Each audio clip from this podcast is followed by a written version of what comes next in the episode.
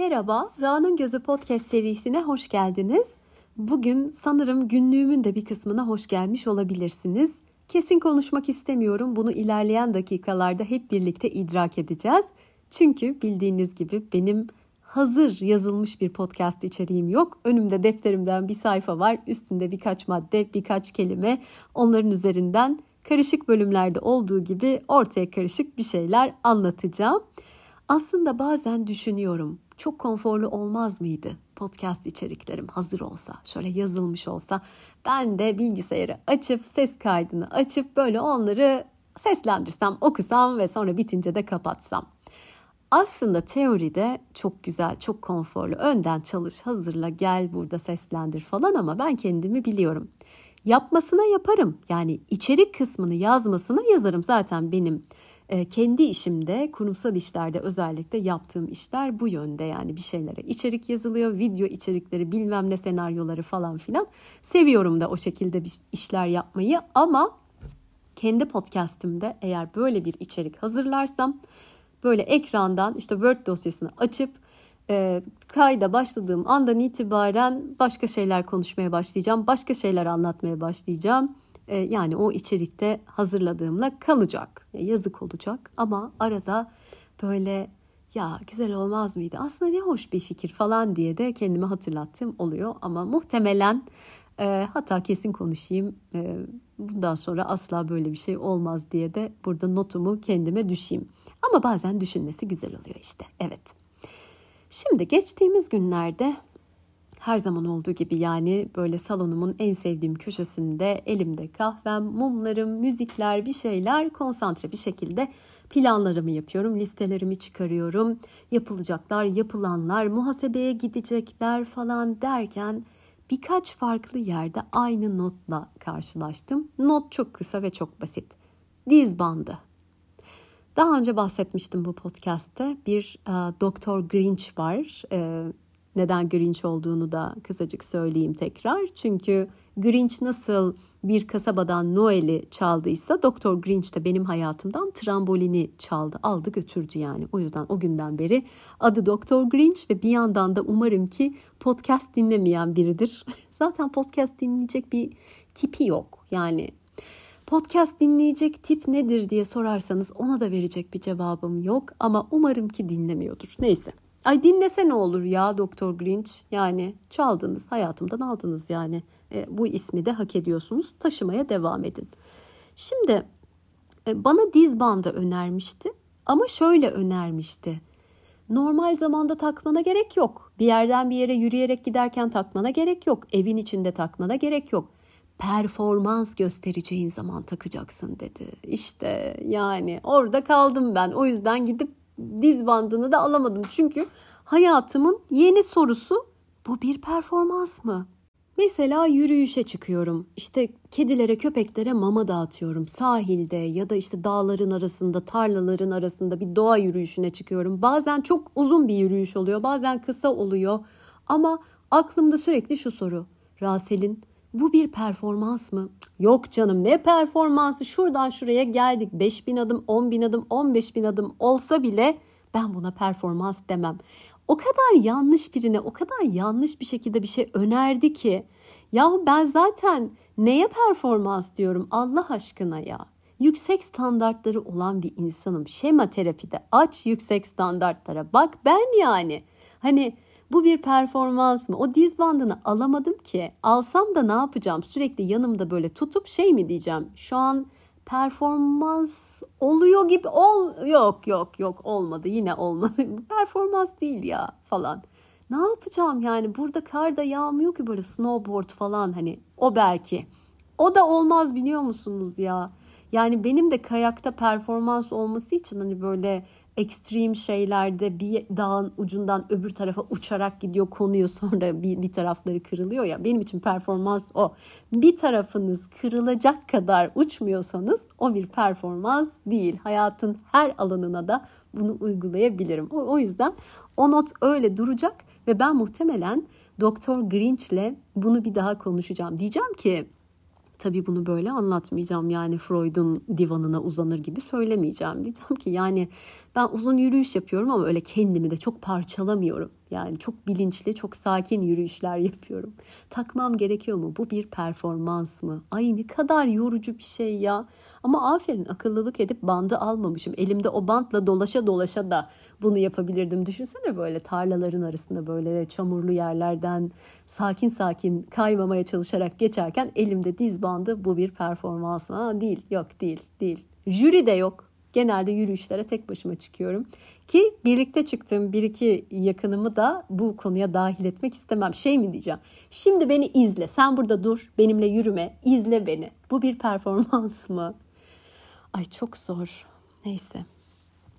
Evet, e, yine doğadan bir haber vermek isterim. E, bir Alman kurdu kont arkadaşımız var. Daha doğrusu arkadaş olamadık. Yani beni ne zaman görse parçalamak ister gibi çığlık çığlığa bağırıyor, havlıyor falan.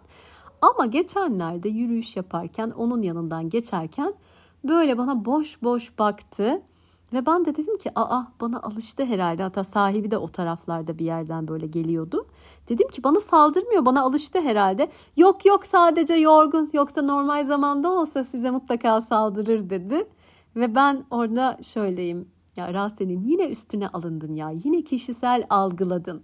Zavallı kont yorulmuş, süzülmüş, orada bir kenarda boş boş bakarak duruyor. Sen de diyorsun ki biz herhalde arkadaş olduk, beni çok sevdi bilmem ne falan filan.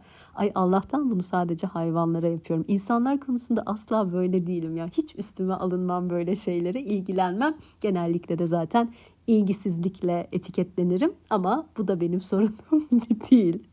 E, hatta şöyle bir şey ekledi sahibi. Siz yarın yine aynı saatlerde geçerseniz saldırır göreceksiniz. Çünkü yarına şeyi geçer onun hani kendine gelir falan dedi. Orada da beni bir gülme aldı. Şey gibi söylüyor. Hani pastaneye gittim sanki. Dedim ki limonlu cheesecake var mı? Yok kalmadı. Siz ama yarın gelirseniz aynı saatte o zaman olur. Hatta size ayırırız. Hatta yarın kontu ben ayarlarım size özel saldırır. ya üf. Neyse. E, ben de içimden şunu getirdim. Olur o zaman canım ben yarın Şirret'i de getireyim. Biliyorsunuz Şirret the Cat e, çok özel bir kedi. Çünkü şöyle de bir anımız var. Kont ben ve Şirret'in. Şirret Kont'a saldırmıştı ve bu durumdan kötü çıkan kimdi tahmin edin bakalım. Yani e, Kont bu konuda konuşmak istemiyor anladığım ve bildiğim kadarıyla. Evet, mutlu bir haberle devam edelim hemen gündemimize. Şu an şey gibi oldu son dakika haberleri falan gibi. Ee, Hakan'ın bana bundan tam bir yıl önce e, aldığı Hindistan'dan hatta beni böyle arayıp görüntülü arayıp hangisini istiyorsun, hangi rengi istiyorsun diye seçtirdiği ipek bir şal vardı. Yaklaşık 13 ay sonra o şal elime geçti. Sen neler yaşadın podcast'te Hakan'ın konuk olduğu bölümde bununla ilgili detayları isteyenler dinleyebilir tabii ki. Neyse sonunda bana geldi çünkü bana yollamıyordu nasılsa ben geleceğim onun yanına diye İstanbul'a gel git yapıyorum diye. Ben uzun süredir de e, gitmiyorum. Neyse sonunda artık dedi sen gelmiyorsun ben sana göndereyim. E, meğer o pembe şal tek başına beklememiş. Bu bir yerlere giderken gelirken bana hediyeler almaya devam ettiği için şal ve arkadaşları olmuş. Çok böyle güzel demek ki böylesi de güzel. Ben ona şey diyordum ya bir tane şalım var bir ipek şalım var hala görüşemiyoruz bana gelmiyor ama böyle daha iyi. O beklerken yanına işte gittiği diğer seyahatlerden de işte Tayland'dan şuradan buradan böyle benim sevebileceğim bir sürü şey almış. Bana güzel bir kutu geldi. Ve kutunun içinden bir de mum yapma kiti çıktı. Yılbaşı için bana almış onu. Hani sen böyle seviyorsun evde bir şeylerle uğraşmayı falan diye. Ay bir hoşuma gitti böyle hemen zaten okudum nasıl yapılıyor, nasıl ediliyor. Parafini eritiyorsun. işte içine şunları koyuyorsun. Elimde şey de vardı çok güzel bitkisel yağlar da vardı. Vanilya yağı, işte portakal yağı falan filan. Onlardan seçtim. içine böyle kokular da ekledim doğal ve güzel sağlıklı bir şekilde. Yaptım ve Biraz parafin arttı gelen kitten o yaptığım kavanoza göre. O kadar sevdim, o kadar hoşuma gitti ki yaktım bir de insanın kendi yaptığı mumun yanması, onun ışığı falan ve hemen gözüm o artan parafine ilişti. Göz göze geldik ve böyle ben kafamda hemen o zaman ben birazcık daha şu malzemeden getirdiğim şöyle yaparım böyle yaparım. Aa benim kullanmadığım kavanozlarım vardı onları da doldurayım falan derken bir anda kendime geldim. Resmen kendime böyle soğuk bir kova su boşaltmışım gibi hemen o artan azıcık parafini aldım ve hemen çöpe attım. Çünkü e, yani bir vizyon geldi bana şu şekilde her şeyi bırakmış ve her tarafta böyle elinde parafinler, mumlar, ipler, kandillerle evin her tarafını evden de taşıyacak şekilde herkesin her tarafını, evini, iş yerini mumlarla çeviren bir Rasel'in hali geldi. Dedim ki saçmalama Rasel'in yani öyle bir mum ihtiyacı, yani kendi mumunu üretecek kadar mum ihtiyacın gerçekten yok. Yani sabahın karanlık saatleri ve akşamın böyle 1-2 saati okey. E zaten aldığın mumlar sana yetiyor. Bu kadar büyümeye, bu kadar abartmaya gerek yok ve onu çöpe attım. Hemen zaten Hakan'la da paylaştım bunu. Doğrusunu yapmışsın arkadaşım dedi. Doğrusu bu. Yani bizim diğer tarafa geçmememiz gerekiyor. Geçmemek için de kendimizi bu şekilde frenlememiz gerekiyor. Yani e, mum, parafin versus şey dark side diyebilirim. Yani karanlık tarafa geçerken de insanın böyle kendi tutması gerekiyor ya. Çünkü herkesin karanlığı farklı. O kendini kaptırma ve işte abartma halin farklı. O yüzden ben böyle sağlıklı bir karar aldım. Sağlıklı sınırlar herkes için çok önemli. Yani buna da bir örnek olsun. Ben onunla ilgili de bölüm yapmıştım. Belki o bölümü dinleyenler için çok harika bir pekiştirici bilgi olmuştur bu. Herkesin işine yaramıştır çok eminim. Ve takıntı demişken, bir şeylere sarmak demişken duvar sözü geçmeyen, duvarımdan bahsetmediğim bir bölüm olabilir mi? Sevgili günlük. Olabilir mi? Sen hiç gördün mü? Podcast'i dinleyen hiç kimse böyle bir şey duydu mu? Duymadı. Hemen duvar konuma da şöyle bir giriş yapmak isterim. Bildiğiniz gibi başka bir sürü bölümde bahsettim. Olaylı bir şekilde, olaylı demeyeyim yok. Olay değil. O olay sayılmaz. Durumsal bir şey. İşte ustalar boyadı beğenmedim ben tekrar boyadım. Renk şöyle oldu, suyu böyle oldu falan diye ben baya baya yıprandım ve yoruldum yani. Hatta kolumda hala hafif bir sızlaması vardır. Ama kendisinin geçmesini bekliyorum ki Doktor Grinch'e gitmeyeyim yine. E, bu sefer de bana boyayı yasaklayabilir yani. Çünkü hala yapmaya devam ediyorum. Gerekiyor. Şimdi bir tane de bebek Grinch'imiz var. Ee, bebek Grinch Arthur'u çaldığı için, e, Arthur'u kaldırmama vesile olduğu için adı bebek Grinch bir kedi. Ee, ben buna evde tedavisi süresince baktığım için bir mamasını ve suyunu koy, koyuyorum ve sürekli suyla havuza girmiş gibi oynuyor ve suyu önüne koyduğum duvarı mahvetti. Neyse onun icabına baktım ama başta şöyle bir şey oldum. Yani neden, neden, neden benim duvarım, neden yeni boyanmış duvarım, neden rengi harika olmuş, oturmuş ve sonunda elde ettiğim duvarım diye böyle bir yükseldim. Ama dedim ki sonuçta tedavisi bilmem nesi falan idare edilir, sorun değil. Çok şükür de artık havuz muamelesi yapmıyor. Sağlıklı, mutlu bir şekilde suyunu içiyor yani. Normal bir kedi gibi. Oradan kurtulduk. Tam artık tamam son sınavımı da verdim derken bir gün şöyle bir şey oldu. Evdeki yardımcım e, bir gün geldim ve bir baktım. O çıkmıştı çoktan. Yatak odasındaki pencerenin altındaki duvarın üstünde böyle bir Bob Ross'un nehir tablosu gibi bir şey var. Çünkü anlaşıldığı üzere yani tahminim bu yönde e, oradaki camları çok iyi bir şekilde silmek için. Çünkü e, bu yardımcımızın suyla ilgili yine fazla bir ihtiyacı oluyor. Foşur foşur oralara artık su mu döktü? Yoksa çok ıslak bezle önce bir e, su mu akıttı? Neyse camlar cam gibi olmuş elmas gibi olmuş. Ama o farkına varmadan onlardan o pencerenin altına e, temizlik suları sızmış ve duvarın üstünde onları böyle desen gibi görebiliyorsun çok net. Ee, önce onu şöyle bir sildim dedim ki ıslak bir bezle temiz bir bezle sileyim sonra kurulayım falan daha kötü oldu. Ben tekrar orayı boyadım ama boyarken birazcık artık yani hani gözyaşım aktı akacak pıt diye gitti gidecek diye Allah'ım ben niye sürekli duvarla sınanıyorum diye bir gün geçirdim. Sonra şunu düşündüm bu da vesile oldu aslında hiç hesapta olmadan insan o an sinirleniyor. O kişiye de sinirleniyor, başka şeylere de sinirleniyor. Dönüyorsun dönüyorsun ve şunu fark ettim. Ya aslında benim evde bir yardımcıya ihtiyacım yok. Zaten öyle her gün gelen biri de değil. Ve aslında benim yardımcım da değil. O annemin yardımcısı, annemin sürekli yardımcısı. İkisi ısrar, kıyamet. İşte sen çalışıyorsun, yoğunsun, işlerin var. Ne var canım pazartesi yarım günde sana gelsin falan filan diyerek. O da çünkü çok istekli. Hatta bana bir kere siz nasıl istiyorsanız ben öyle yaparım. Siz benim temizliğimi mi beğenmiyorsunuz falan gibi de böyle bir alınır gibi konuştuğu için tamam dedim ya pazartesilere, perşembelere işte neyse sabah öğlene kadar gelsin e, gibi böyle bir şey yapmıştık. Ve dedim ki aslında Rasel'im bir düşün senin ihtiyacın yok. Hatta geldiği günler ekstra bir o saatlerde evden çıkmama, işini gücünü ayarlama, ortalığı bir toparlama ihtiyacı duyuyorum. Çünkü bazı hassas bir şeyleri ortada bırakmamam lazım. Bir şeyin üstüne su dökülmemesi lazım falan falan derken e, dedim ki evet ya bu duvar da vesile oldu. Ben gidip konuşacağım. Ee, yani sonuçta şöyle bir şey var. Bana geliyordu da işten çıkarıyorum gibi bir şey. Onun zaten işi sabit yani. Sadece o saatlerde bana gelmeyecek. O kadar basit. Ve bu kararı onlarla paylaşınca o kadar rahatladım ki. O kadar rahatladım ki çünkü zaten e, ben çok kendine göre yaşayan bir tipim. Yani benim yardımcıya ihtiyacım yok ve hayatımdan o stres kalktı gitti gibi bir şey oldu. Bir de şöyle bir tarafı var. İşte bu seneye kadar ben e, o günlerde zaten hani o gelse de gelmese de haftanın birkaç günü dışarıda ofis olarak kullandığım bir yer vardı. Gittiğim, sevdiğim, kahve içtiğim, takıldığım ama şu an orası yok mesela. Orası yıkıldı ve ben şimdi e, evde böyle temizlik olan günler nereye kaçacağımı şaşırıyorum. Evde de kalmaktan hoşlanmıyordum. Yani o duvar beni üzdü. O dalga dalga görüntü gördüğüm an yani böyle bir kaskatı kaldım. Ama böyle de bir şey vesile oldu ve çok rahatladım. Zamanında da bir boşluğuma gelmiş benim.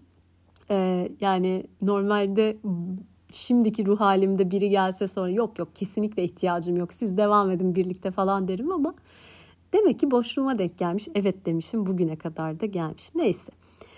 Umarım ki duvar sınavı bununla bitmiştir. Bak bana hediyesini de bıraktı. Yani ihtiyacım olmayan bir şeyi sistemin dışına bıraktım. Lütfen burada bitsin. Duvar duyuyorsan burada bitsin lütfen. Duvar, su bu bu konular burada bitsin. Yeter. Yeter çünkü. Şimdi sistemin dışında bırakmış demişken hep böyle podcastlerde anlatıyorum. Cilt bakımı rutinleri işte Kore vatandaşlığım ve pasaportum hala gelmedi. Bu konuda hala kırgınım onlara. Çok hak ettiğimi düşünüyorum. Ama sistemin şöyle bir faydasını gördüm. Şimdi birden fazla ürün kullanıyorsanız benim gibi işte temizleyicisi, toniği, serumu, ondan sonra nemlendiricisi falan falan farklı günlere farklı ürünler falan cildiniz bir şeye tepki verdiğinde bunun neden kaynaklı olduğunu bulmanız için hani bunu bana hangisi yapıyor? Bu kızarıklığı, bu sivilceyi, bu kaşıntıyı neyse artık yaşadığınız iritasyon e, sistemi kapatmanız gerekiyor. Yani fabrika ayarlarına dönmeniz, sistemi sıfırlamanız gerekiyor. Hiçbir şey kullanmadan bir dönem geçirip sonra teker teker hepsini tekrar sisteme dahil edip suçlu ajanı bulmanız gerekiyor. Ben böyle bir şey yaşadım geçenlerde. Bir e, sıkıntı olmuştu işte bir kızarıklık, kaşıntı bir şey ve hangisinin sebep olduğunu bilmek için böyle bir hatta şey yaptım, takvim yaptım. İşte bu hafta sadece şunu kullanıyorum. Bir sıkıntı olmazsa şunu ekliyorum. Bir sıkıntı olmazsa üstüne şunu ekliyorum falan diye. Ve bunu yaparken hayatımın başka bir alanında da buna ihtiyacım olduğunu fark ettim. Yani o sıfırlamanın, o durdurmanın, kapatmanın bazen hani modemde falan oluyor ya kapatıp geri açıyorsun ve sonra düzeliyor falan. Burada bir de neyin bozduğunu da anlayabiliyorsun. Bu çok çok faydalı, çok güzel bir şey. İşte böyle uzun uzun maskelerimi yaparken, cilt bakımımı yapıp toniklerimi falan sürerken böyle şeyleri de düşünmek. İşte hayat, günlük hayat. Ben hep söylüyorum. Günlük hayatın içinde her şeyin cevabı var. Ve az sonra anlatacağım şey de aslında çok büyük bir felsefeden örnek vereceğim buna. Bu da günlük hayatın akışında e, güzel bir örnek olacak diye tahmin ediyorum. Gel gel ne olursan ol yine gel demediğim bir haftayı daha geride bırakmanın mutluluğunu yaşıyorum arkadaşlar. Çünkü ben bu konuda çok netim. Bize uygun olmayan, bize iyi gelmeyen, bizim koşullarımızı sağlamayan hiç kimseye, hiçbir şeye kapımız açık olmasın. Açık kalmışsa da çat diye kapatalım yani. Bizim sıkıntımız değil yani dışarıda kalan düşünsün ya da o da düşünmesin kendi yoluna gitsin diye de bir şeyim vardır. Şimdi bunu günlük hayatta, sosyal hayatta yapmak yani çok daha kolay bence. Çünkü or- oralarda seçim şansın var. Ama bazen iş hayatında e, ve benim az sonra vereceğim örnekteki gibi podcast üzerinden olan iletişimlerde falan sen seçmiyorsun sana gelecek olanları. Ama onlar geldiği zaman onları sistemine dahil edip etmemek senin e, yani kararın oluyor. O konuda bence güzel bir özgürlük. E, ve bir iki tane örnek vereyim. E, geçtiğimiz seneden beri her ay bir kitap kulübü buluşması yapıyoruz ve işte e, bir kitap seçiliyor. Zoom üzerinden yapıyoruz. Buluşuyoruz, konuşuyoruz. Kitap vesile oluyor. Güzel paylaşımlar oluyor. Kemik bir kitlesi oluştu. Yeni gelenlerimiz var. Ee, yeni gelip sevip devam edenlerimiz var. Böyle güzel kendi halinde bir grubumuz oldu.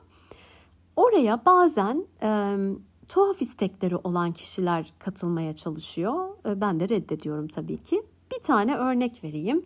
Şimdi orada bizim şöyle bir kuralımız var.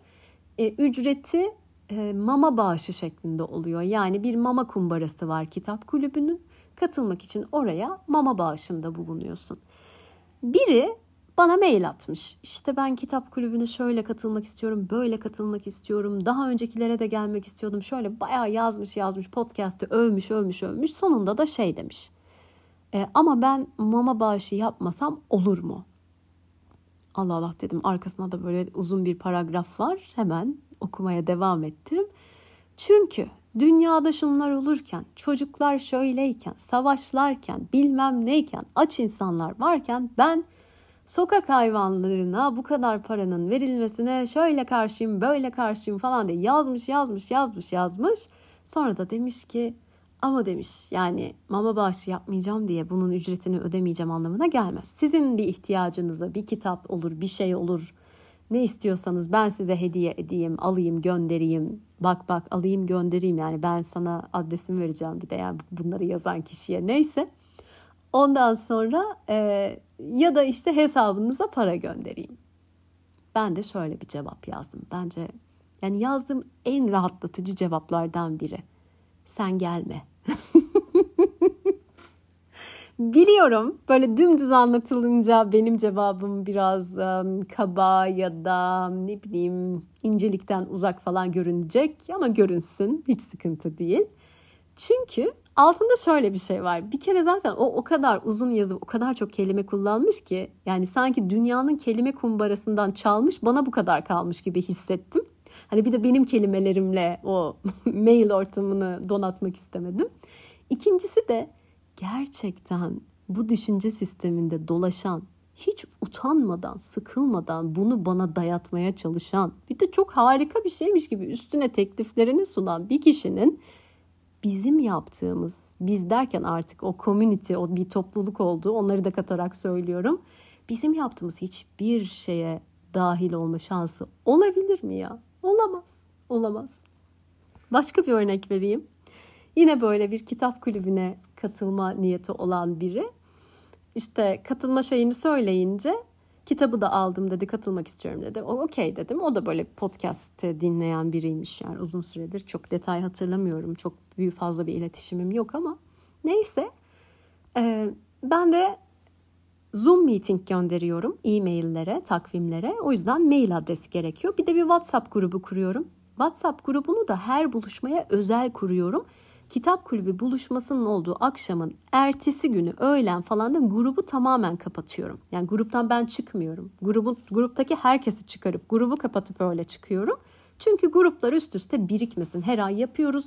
Katılımcılar bazen farklı oluyor, giren çıkan oluyor. Böyle tek grup üstünden de gitmeyelim, boş yere bir sürü insana mesaj gitmesin falan diye. Neyse, bu yüzden de bir telefon numarasına ihtiyacımız var. Bu kişi de bana e-mailini yazdı, telefonunu yazdı. Ben tam onu eklemek üzereydim ki şöyle bir mesaj yazdı.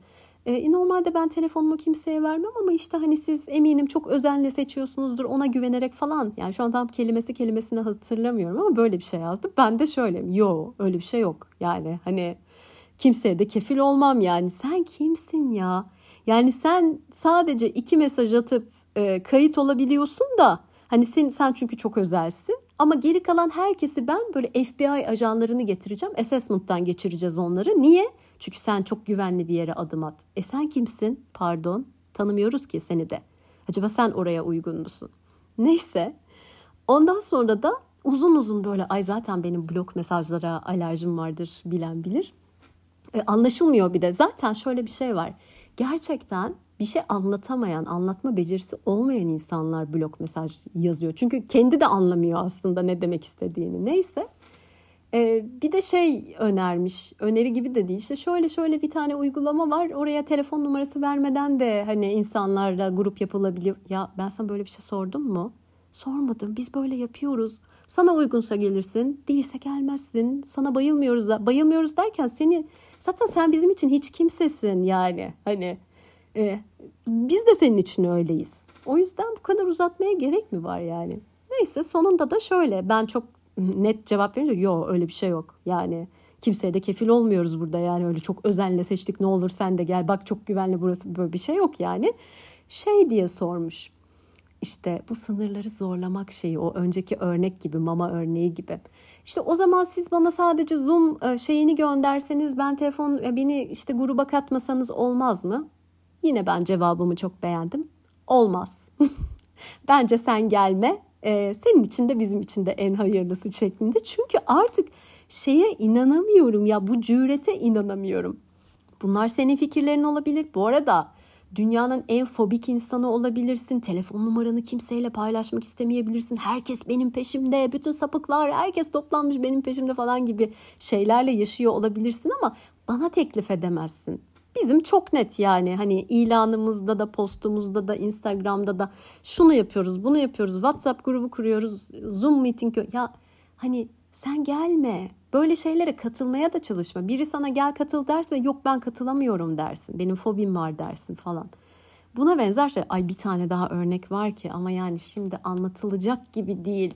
Ya anlatırsak biz de onunla birlikte böyle bayağı aşağıya doğru gideriz gibime geliyor bir yandan da kendimden korkuyorum başka bir bölümde anlatır mıyım diye ama ay o çok kötü. Yani onu, onu ondan hiç bahsetmiyor. Bunlar yine çok masumane. Yani bunlar insanların kendi dünyasında kendini çok özel zannetmesiyle ilgili ya. O kadar özel ki hani sınırları ve şartları zorluyor. Oldu canım. Benim bir de orada şöyle bir şeyim ortaya çıkıyor.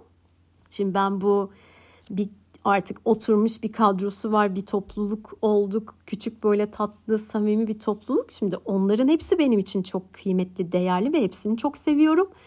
E sen yani kendini onlardan farklı bir yere koyarsan daha biz seni tanımadı. Sen kimsin de benim grubum için yani ben onları sana böyle evet çok güvenilirler, çok şöyleler, böyleler diyeceğim ya da sen sen ne zaman neler yaşadın da kendini bu kadar özel zannediyorsun da yok ben mama almam, yok ben telefonumu ver, yok ben bilmem ne.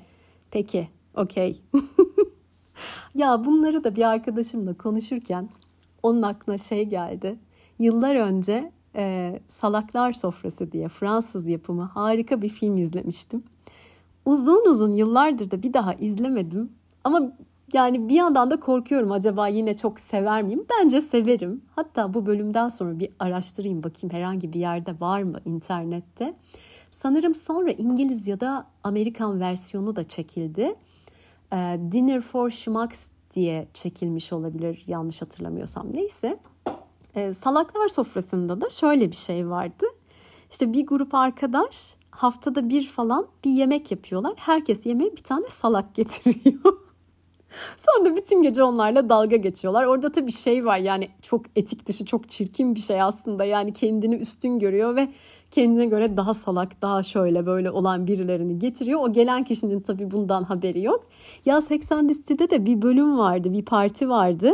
Herkes ilgilenmediği, artık hoşlanmadığı, ilgilenmediği bir erkeği getiriyordu. Ama o gelenlerin de bundan haberi yoktu falan. Ay Ay çok çirkin konsept olarak çok çirkin ama film olarak izlemesi çok keyifliydi. Arkadaşım da dedi ki bu böyle üst üste ben ona birkaç tane örnek anlattım. Ya insanlar herhalde yani sınırları zorlamak, sınırları aşmak yani kendi dünyalarında kendi sınırlarını aşsalar o Doktor Grinch'in söylediği gibi yani bir performans yapsalar okey niye gelip başka oturmuş grupların kurallarını, sınırlarını zorluyorsun? Arkadaşım da dedi ki ya dedi o salaklar sofrası gibi hadsizler sofrası mı yapsak? Herkes toplansak böyle işte her perşembe akşamı herkes haddini bildirecek birilerini getirsin oturtsun. Ondan sonra diğerleri de onun haddini bildirsin. Bak dedim Yani kağıt üstünde harika bir proje. Bir sitcomda, bir filmde, bir karikatürde. Ama dedim ya benim bunlara mailde bile yani iki satırlarına tahammülüm yok. Yok bir de onlara özel menü çıkaracağım. Parmesanlı bilmem ne bilmem ne pizzasının üstüne bilmem ne şey tartı yapacağım çilekli. Onları çekeceğim. Ne hadlerini bildirmek için. Tatlım dedim had bildirmek çok kolay yani. Hatta benim çok beğendim diyorum ya verdiğim cevapları. En güzel had bildirimi de cevapsız bırakmak. O da onu da çok severim. Yani onu da hak eden ayrı bir grup var. Ee, onlara da düzenli olarak yapmak çok güzel. Şimdi bir tane de e, bir topluluk var. Onu da şimdi adını söylemeyeceğim. E, bir süredir ee, onun üyeleri sürekli beni şeyden ekliyorlar e, Instagram'dan ve hepsini reddediyorum. Sonra dedim ki Raselin yani bunlar duracak gibi değil. Her ekleyeni bloklarsın. Şimdi onu yapıyorum mesela. Bu bakımdan yaşadığımız dönemi çok seviyorum. Her şey tek tuşla. Bazı konuşmalarda bunu kötü bir şeymiş gibi anlatıyorlar. Ee, yani işte insanlar işte bir mesajda ayrılıyorlar bir bilmem ne bilmem okey tamam. Ama bu benim anlattığım örnekler tek tuşla iki satırla iki kelimeyle hayat rahatlatıyor hayat konforunu artırıyor zamandan kazandırıyor. Bu anlattığım örnekler hep pozitif hep olumlu. Çünkü bunların hiçbirinde derinlikle özel harika bir şeyi yok etmek yok. Tam tersine eğer sistemimize dahil olurlarsa ne bize ne kendilerine hiçbir hayır olmayacağı için bu proaktif bir eylemdir. Bunu liderlik eğitimlerinde proaktif olmak, önden şunu yapmak falan diye anlatılır durulur. İşte gerçek proaktiflik böyle bir şey. Sana uygun olmayan, iyi gelmeyen, iyi böyle bir elektrik mi diyeyim, vibe mı diyeyim bir şey vermeyen kişilere en baştan kapıyı kapalı tutmak en iyisidir. Hani bu sağlık içinde söylenir ya. Yani aslında en iyi doktorluk e, tarzı koruyucu hekimlik. Yani sen hastalanmadan senin bağışıklığını e, artıran şeyler, yaklaşımlar. Yani önemli olan hasta olduktan sonra şifa bulmak tamam eyvallah inşallah herkes bulsun da hani keşke bir de hasta olmadan o önlemi alsak. Bence elimizden geldiğince e, biraz da bu teknolojinin yardımıyla bunu yapıyoruz. Ay şimdi podcast üzerinden gelen şeylerden gidince ay onlara da ayrı bir seri olur, bölüm olur. Ee, çok böyle e, ifşa etmeden de paylaşılabilir bazı şeyler. Ara ara paylaşıyorum zaten de. Şimdi şöyle bir grup var. Ee, ne desem onlara? Şuursuz yüzeysel öneriler grubu. çok uzun bir isim oldu ama şöyle. E, bu kişiler kesinlikle benim samimi olduğum, yakın olduğum, arkadaş olduğum, yakınlaştığım kişiler değil. E, genelde şöyle bir ortalaması var. Podcast'i keşfetmiş, bir ya da iki bölüm dinlemiş ama sonra diğer hiçbir şeye bakmadan bana bombardıman şeklinde bu kitap da var, bak bu kitap çok güzel, aa bu falan ve yani şöyle de bir istatistik çıkarabilirim. Daha bana önerilenler arasında e, yeni gördüğüm hiçbir şey yok ve genelde de e, hepsinin podcast'ini hali hazırda yapmış durumdayım. Ee, yani böyle iyi niyette bakıyorum işte bunlarda falan ama şey hevesini anlamıyorum. Yani orada 300'e yakın bölüm var. Sen bir taneyi dinlemişsin sonra bana 12 tane ayrı mesaj gönder. Bu kitap var bu çok güzel bu hayatımın kitabı. E ben podcastini yaptım onun. Bazılarının iki bölüm yaptım. Bazılarından 80 bölümde bahsettim falan. Yani hani şöyle sadece bir parmağının ucuyla aşağıya doğru ineceksin o podcast'ta. Bu kız neler okumuş, neler yapmış eğer Instagram'ımda varsan, o küçük gruba dahilsen şöyle aşağıya doğru gideceksin. Bu kız neler okumuş, storylere bakacaksın, sabitlenmiş şeylere falan.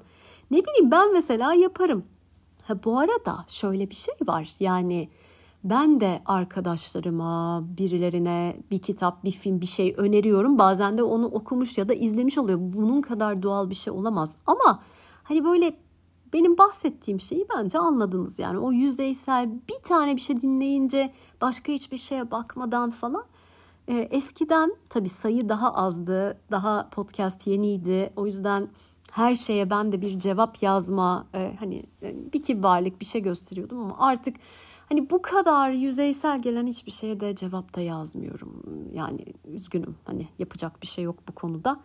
E, ama bu da şey zaten hep bahsettiğimiz o ortalamalık hali, vasatlık hali, derin bakmama hali. Bu da benim çok önemli bir değerim yani o derinlik. Hani bir şeyde derinlik görmüyorsam okey, okey yani bas geç. Hani basmadan da geçebilirsin. Sadece geç gibi. O yüzden e, işte böyle şeylerde artık ses kendimi sessize almak, e, enerjimi ekonomik kullanmak, her şeye kelimeleri harcamamak, böyle kesik kısa cevaplar olmaz, sen gelme, e, bazen sıfır cevap falan. Bunlar gerçekten o az önce bahsettiğim sistemi sıfırlamak, düzeltmek, o sisteme biri o virüs etkisini yaratmadan bile ondan e, şey yapmak aşı etkisi gösteriyor. Evet doğru kelimeyi. Ne kadar tıbbi şeyler kullandım bugün Doktor Grinch'le başlayarak. Evet ee, sanırım günlüğümün bu sayfasının sonuna geldik. Ee, sanırım başka böyle bölümlerde yine günlüğüme dahil olacaksınız. Ee, şimdilik sanırım aktaracaklarım e, bu kadar diyerek bu ortaya karışık e, günlüğümden bölümler bölümünü burada bitiriyorum. Sonraki bölümlerde görüşmek üzere. Hoşçakalın.